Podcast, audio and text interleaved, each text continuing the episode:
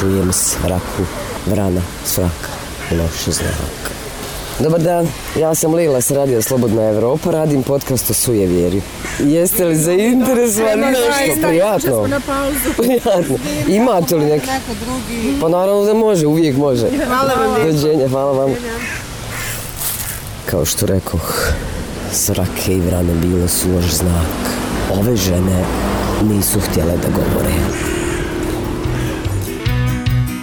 Ja sam Lila Mergić-Čatić, a u ovom podcastu Zip zaviri ispod površine, jasno je već, zagrebač ispod površine praznovjera ili sujevjerja, kako već to ko zove, a sam u naziv kaže šta je i pokušati da otkrijem zašto smo sujevjerni ako smo i s čim to sve ima veze. Jesmo li te neke usađene znakove navike tako duboko prihvatili da i kad nismo sujevjerni, u stvari moramo biti jer našem krhkom biću okruženje to nameće. Možda se pronađete. Pa inače ne vjerujem i ne raspitujem se vezano za to i nešto, ali kad slučajno usput negdje čujem, onda sljedeći put me strah da se ne pridržavam toga. Na primjer, kad crna mačka pređe preko puta ili tako nešto utorkom ne valja ovo ono, to sam čula, pokupila i sad izbjegavam kad se sjetim toga, ali inače ovako sama nešto da istražujem i da me to zanima, ne baš. Znači ljudi opterećuju sa tim takvim stvarima. Pa jest, jest, pogotovo ove prethodne generacije. Vidim da imate bebicu. Jel ima ljudi koji dolaze pa vas savjetuju? Pa ništa tako sa tog sujevjerskog aspekta, ali ima non stop nešto te utoplije više ili skinije više ili tako nešto. Ali sujevjerja ne, vezano za dijete ne dosta. Nisu vam još ono urokljivo oko donosi? Nisu još, nisu još, nadam se da neće. Nadam se ja da neće. Meni jesu donijeli urokljivo oko, nisam znala šta da radim s njim. Hodala po kući, nosila ga tamo vamo i onda sam ga na zavjesu okačila. Nije urokljivo oko, nego antiurokljivo oko. Vjerovao je da će mu se, ako dok sjedi u tramvaju, ne trepne tačno pored svake bandere pored koje tramvaj prođe, nešto loše dogoditi. Bandere će popucati, u gradu nestati struje, udariti tuča do koljena, popucati stakla na autima, ptice pobjeći na zapad umjesto na jug. Sve jer je zaboravio da trepne kraj bandere. I onda je prestao da se vozi tramvajem. Eto, vjerujete li vi tom razornom treptaju oka?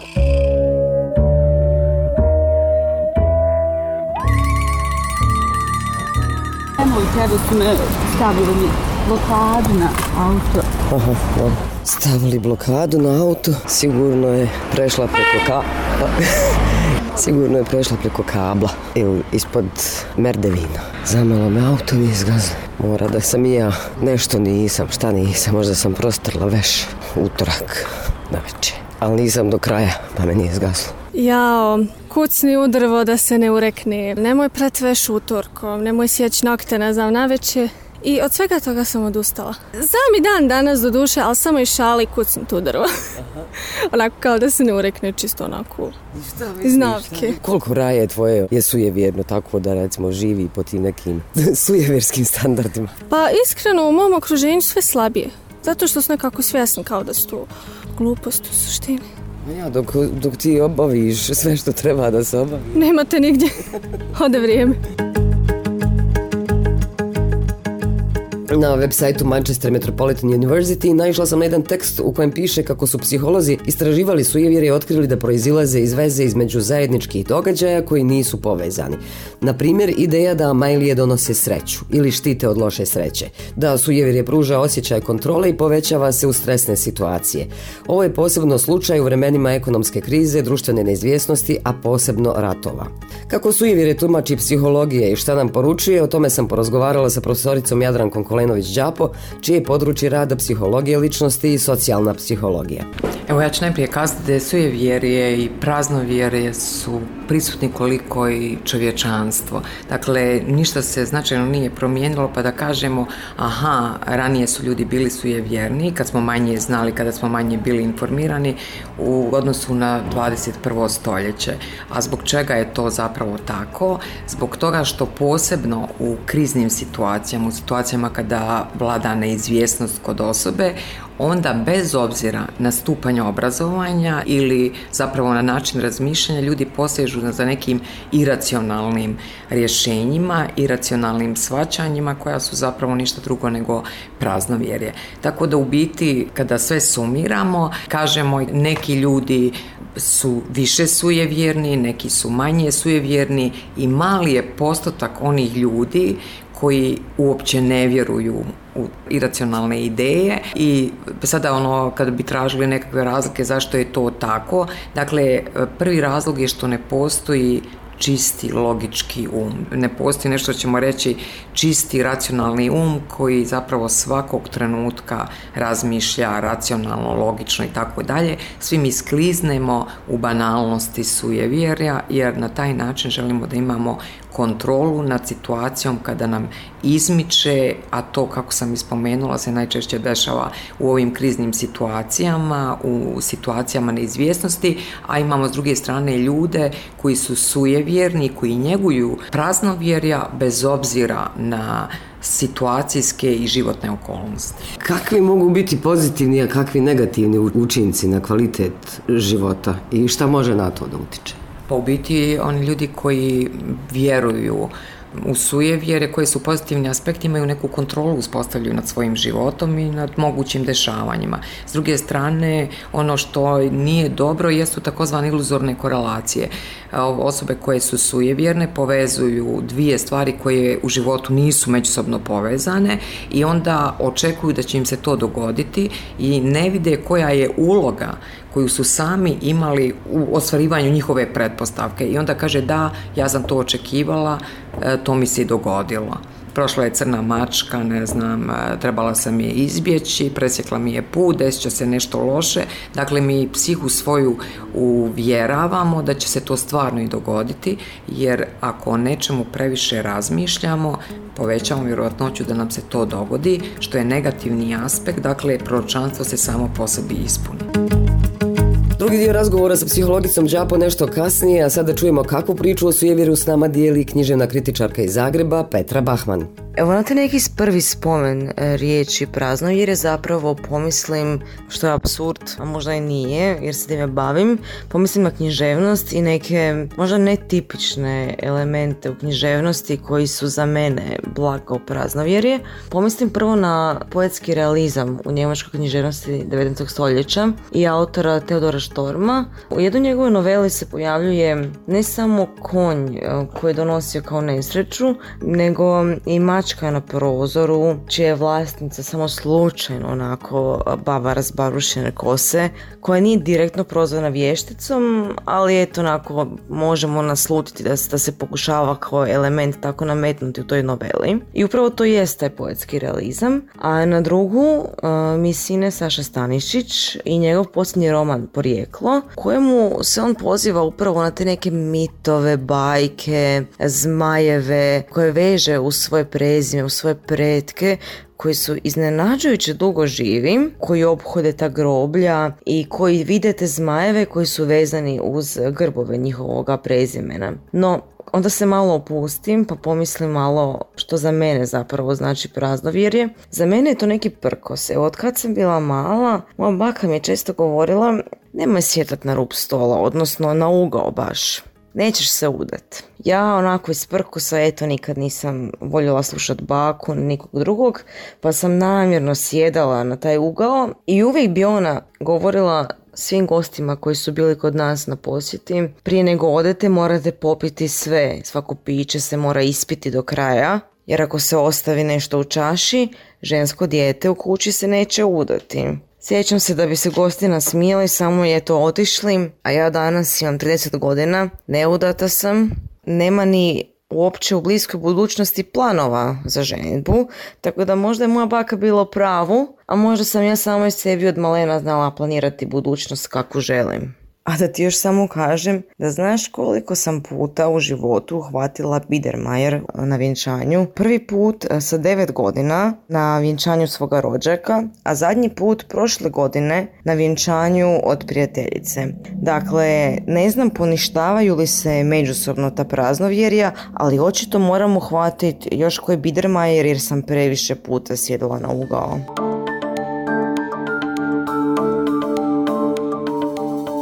E sad, kakva je poveznica između mitologije i sujevjerja i šta je savremena mitologija? Samo kratko za početak objašnjava teoretičar kulture i književnosti kritičar profesor Edin Pobrić. Kako je to sve povezano i koliko vam je dobra ta tema, znate. Kad je Kant u moći suđenja pisao o ljudskom intelektu i htio ga razdvojiti od svih drugih bića, onda je napisao da jedino čovjek razlikuje ono što je stvarno s jedne strane i ono što je moguće s druge strane. U tom mogućem, pazite, mogući svijet je svijet fikcije, svijet umjetnosti. Mogući svjetovi su mitski svjetovi. Mogući svjetovi su ovi svjetovi korporacija, savremenih mitova o kojim vam govorimo. Ali mogući svijet je i svijet sujevjera lažnih teorija zavjera. U tom mogućim imate sad realizirane svjetove. A realizirani svjetovi su uvijek oni svjetovi kada nastupi intersubjektivno vjerovanje. To zamislite, više subjektivnih svijesti učestvuju u nekoj mreži i vjeruju u jednu ideju. Kakva god ona bila, ta ideja postoji s obzirom na snagu te vjere što će profesor Pobrić kasnije sve objasniti, to jest nastavit će se. Ja lično nisam svojevjerna. Imam jednu blisku osobu sebi koja je jako vjerna. I to je onako baš simpatično. što radi? Pa recimo, zanimljiva anegdota, jednom je bila utakmica Bosna i Hercegovina igrala protiv nekog za kvalifikacije i on je spustio piće na jedno mjesto. A mi smo postigli gol. I on do kraja utakmice nije pomjerio piće s tog mjesta. I pobjedili smo. I baš me zanima, jeste li sujevjerni? Nismo sujevjerni. Ni najmanji. ni jedan ni drugi, te, te stvari su izmišljene skroz. I u horoskop. Ima li raje oko vas koja jesu? Pa ima, brate, ono vidiš kad zaradi lovu, kad vrti oko glave, to ste ti, jara. A, ovi na poslu su je vjerni. Boje se duhova. Tako to, nemam problem dalje. Šta radi? O, ništa, sam se boje. Sam pričaju bez gluposti. Ja, ono, kucanje, udrvo, pomicanje s mjesta. A ja, te klasične lovačke. Saljevanje strovi. A u svijetu sporta meni je najupečatljiviji Rafa Nadal sa svojim ritualima, način na koji stavlja svoje boce s vodom, a prije servisa ide sedam dodira tijela. Prvo povuče šort sa stražnjice, takne lijevo pa desno rame, nos, lijevo uho, nos, pa desno uho i tako dalje. Ima još, to znaju oni koji ga obslužuju, a naročito nervira svoje protivnike. A pravo da vam kažem, nervira i mene. S druge strane, valja savladati sve te sujevjerne poteze, ali koji njemu izgleda ne smetaju za uspjeh naprotiv. Ide dalje razgovor sa psihologicom Kolenović Đapo kojem trenutku praznovjere sujere može postati ozbiljan problem u, vlastitom životu, u društvu, a da ne govorim recimo i u poslu? Pa kada je ljudski um ili pojedinac potpuno u iracionalnom vjerovanju. Dakle, tada je problem zbog toga što osoba sve radi na razini automatskog pilota, a u automatskom pilotu se nalazi ovaj način, način naš mišljenja, nalazi se zapravo i praznovjer i to postaje stav osobe.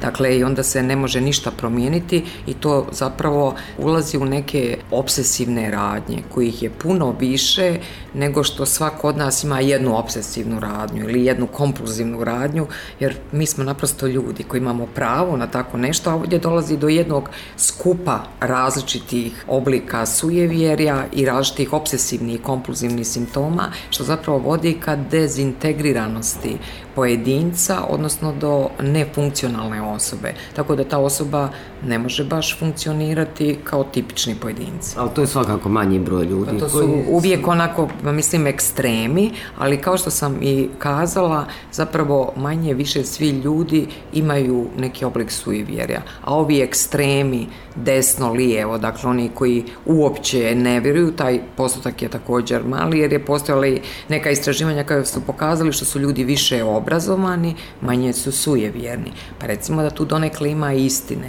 Međutim, mi ćemo naći puno podataka da osoba koja je također, koja je, ne znam, visoko obrazovana, koja zapravo zna, više nije ni stupanj obrazovanja determinanta, nego osoba koja je znalac, koja podliježe tim nekim ritualima, podliježe nekim sujevjerima koji su dio nečega što je tradicionalno, što je ukorijenjeno u pojedincu.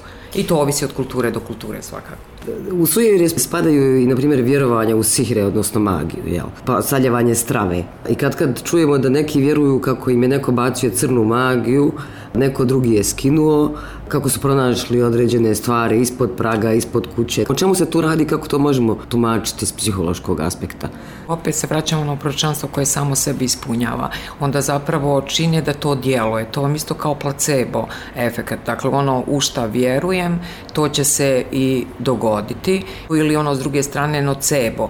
Dakle, vjerujem da mi analgetik taj neće pomoći, on mi stvarno neće pomoći. Tako vam je s ovim magijskim mišljenjima, tako vam je sa svim ovim, e, nekom je nešto napravio, pa ovi crni magovi, pa bijeli magovi, pa jedni to skidaju i tako dalje. I ljudi u istinu, kad su bespomoćni, vjeruju da postoji neko drugi, a to je već animistički način razmišljanja koji je davno prevaziđen, međutim on je aktualan. Imamo svi mi barem jednu osobu u okruženju koja silno vjeruje u ovakav način razmišljanja, i njoj to pomaže. Iako ćemo reći u konačnici svi mi radimo i trebamo raditi ono što smatramo da će nam pomoći, ali ne smijemo zaboraviti da udio te pomoći ovisi zapravo ono koliko mi silno vjerujemo u to i onda udešavamo naš psihički aparat da vjeruje da će se to dogoditi.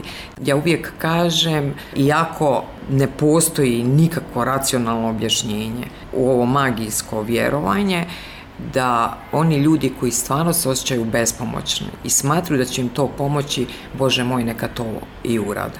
Ako ne pomogne, pa ja sad ne znam kakvi su izvještaji, uvijek su, prva opasnost je uopće vjerovati u tako nešto. Dakle, ali trebamo e, biti e, spremni e, i sposobni da razmišljamo da nam te stvari ne mogu pomoći i da se oslanjamo na one psihičke resurse koje mi imamo i na nauku u biti. A čim izmaknemo iz naučnog mišljenja, a pritom moram reći da mi živimo mitsku kulturu na ovim prostorima, dakle mi vjerujemo u magije, vjerujemo u mitove i tako dalje, umjesto da vjerujemo u naučni način razmišljanja koji će nas upravo udaljiti od ovoga kada se ne obistini ono što je kazano, šta osobe koje ulaze u taj krug magijskog mišljenja i magijskog vjerovanja traže druge osobe. I onda dakle cijeli lanac se uključuje potraga za ne znam svećenicima, vjerskim vođama i tako dalje, oni koji će skinuti taj neki plak neke sudbine ili nečega što ne ide dobro kod osobe,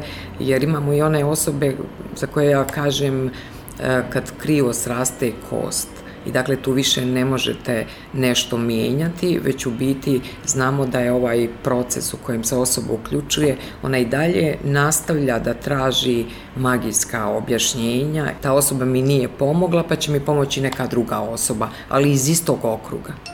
Razgovori na Filozofskom fakultetu bili su plodonosni. O sujevjeru sam, osim sa profesoricom Kolenović Đapo i profesorom Pobrićem, čija objašnjenja ćemo uskoro čuti, razgovarala i sa Lejlom, studenticom komparativne književnosti i informacijskih nauka, koja kaže da smjerom? Ja sam zato što sam naučena tako nekako, naš sam narod je naučen na to da svi vjerni budemo u smislu da vjerujemo na takve stvari koje se dešavaju, a da ne moraju biti religijski nekako povezane. Ali nekako mi od sami od sebe počnemo razmišljati tako ne, neprimjetno. S kojim znakovima ti živiš? Pa na primjer, to čula sam na primjer da se ne može torba ostavljati na pod, onda neće biti para, možete ostati e, ovaj, siromašni, ne znam ja, još onda nemoj prelazi preko kabla, nešto će ti biti. Kad ideš na Ne znam, možda kad crna pređe po puta gotova, onda odmah misliš da će neka nesreća des, da ćeš dobiti neku grupu koju ne trebaš.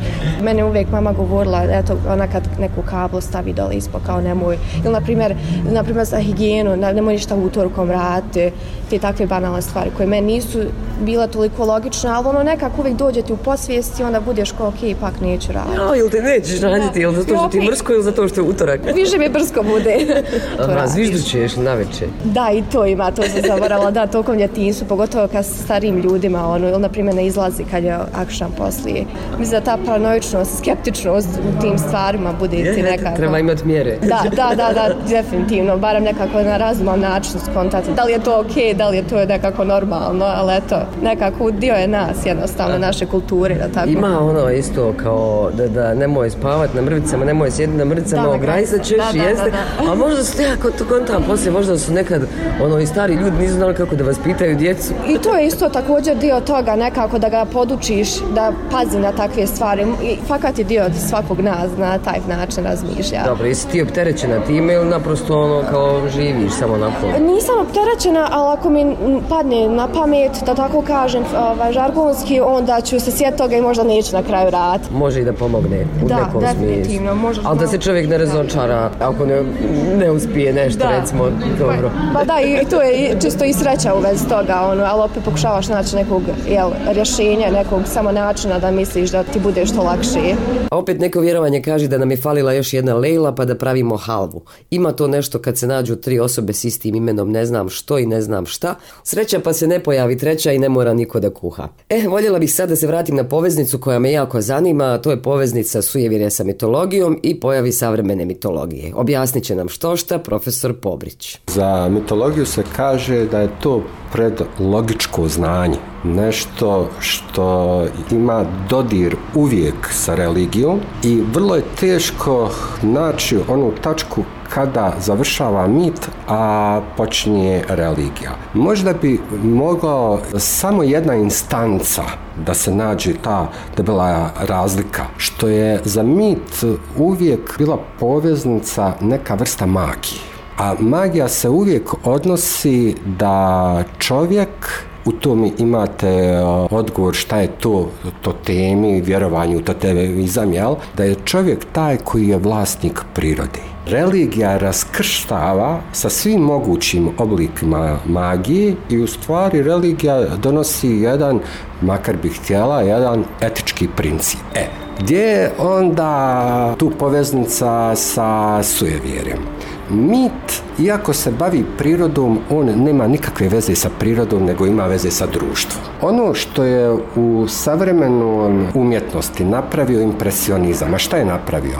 Da više za umjetnika nisu važni objekti, predmeti, bića, nego je važan naš odnos prema tim objektima. Dakle, mit se uvijek bavio na prvom mjestu osjećanjima. Ogroman izraz emocija prema svijetu koji okružuje čovjeka. Mi u našem društvu nemamo adekvatnu riječ za mit. Ta riječ je neprevodiva, zato što je mit sve vremen. Mitska priča dolazi iz pobude da se objasni svijet. A pazite sad, ako počiva na emocijama i ako počiva na priči i kažem da je to predlogičko znanje, naravno da je direktno povezan sa sujevjerjem. Da je povezan sa onim otklonom klatna od naučnog mišljenja koji vlada svijetom. Dakle, šta vlada svijetom? Svijetom vlada nauka.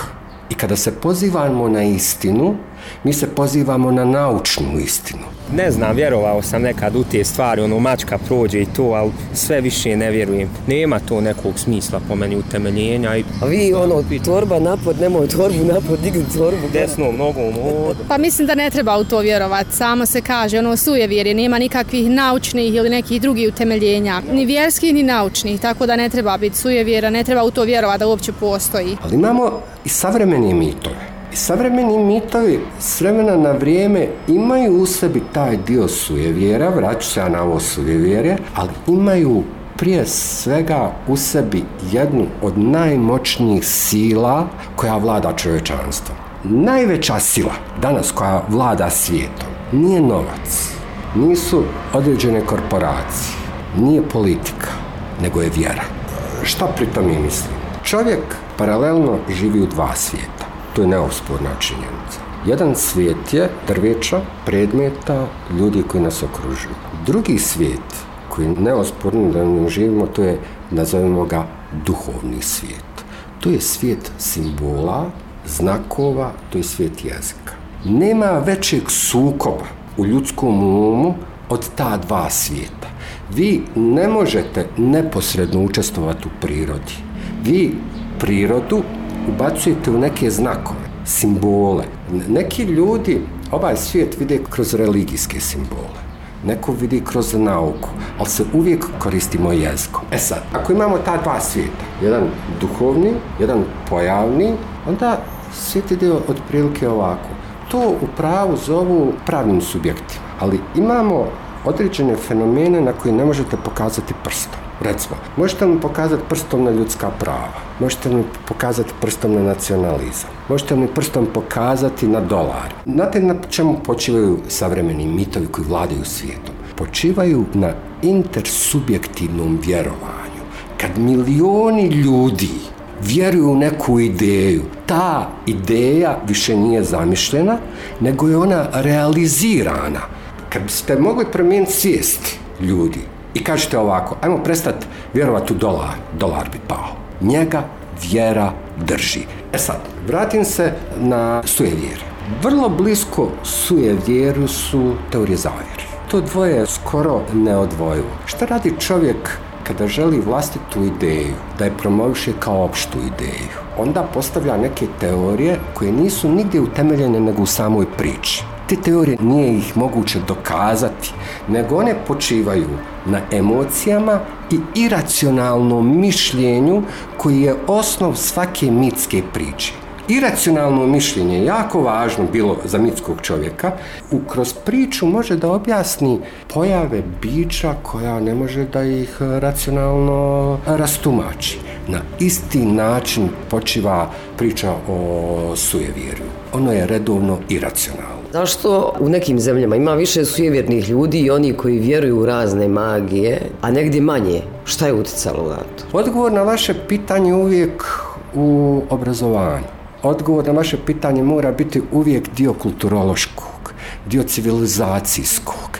Kultura je uvijek nešto što je unutarnje, civilizacijsko je nešto što je vanjsko, to jedno i drugo objedinjava na najvažnija kategorija, pored prava, to je obrazovanje.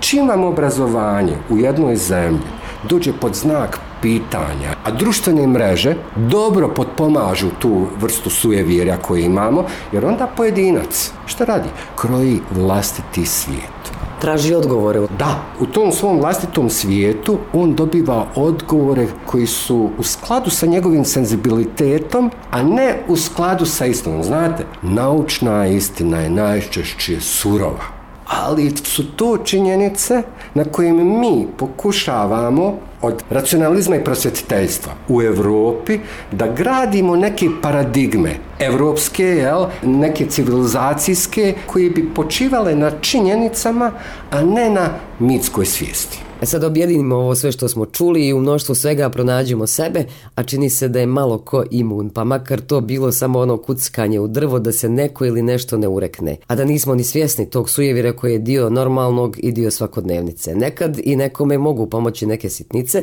ali nije dobro širiti taj krug, kažu psiholozi. I njihova istraživanja su pokazala da praznovjerne radnje mogu postati i samo pojačavajuće, pa se ponašanje razvija u naviku, a neuspjeh u izvođenju rituala mogao bi rezultirati anksiozno nervoznošću. Raščistila je nered oko kreveta, izvukla iz novčanika 100 eura jer nimala više i stavila ih pred ogledalo da se udvostruče. Otkinula prozor iz okvira sa zapadne strane, na brzaka je zazidala, izbušila rupu na sjevernoj strani zida i ugradila prozor. To je to.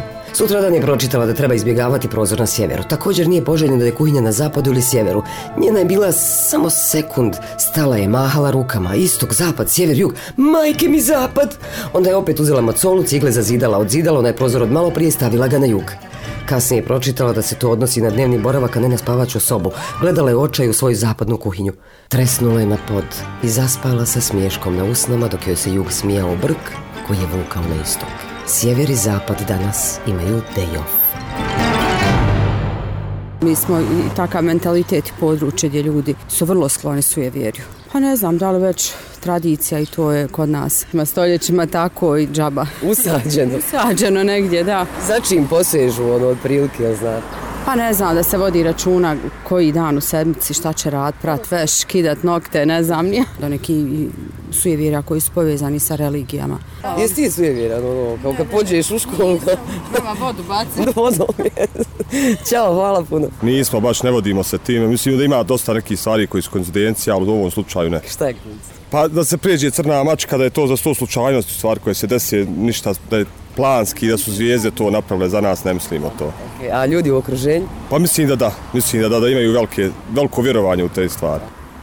Znači, niko nije sujevjeran, ali imamo svi u okruženju ljude, da mi ove iz okruženja naći. Pa mislim da to ljudi više nalaze nekako opravdanje što im se nešto loše desilo zbog nečeg sujevjera, ali onaj, ne mislim da ima ikakvog utemeljenja. A vi jeste li? E, nisam. Da se, da se kucim u drvo. U drvo nisam sjedila. Nisam. I još samo da se zahvalim građankama i građanima Sarajeva koji su dali svoj doprinos Zipu, mamama s bebama, bračnom paru Mojčić, Medini, Amini, Adnanu, Almiru, Hasanu, Sari i Smihani. Ja sam Lilo Meragić Čatić i zaronila sam ispod površine sujevjerja, izronila živa, ne ureklo se. Ovaj zip kao i sve naše podcaste pronađite na slobodnaevropa.org te na našim društvenim mrežama kao i na Spotify, Google podcastima i iTunesu.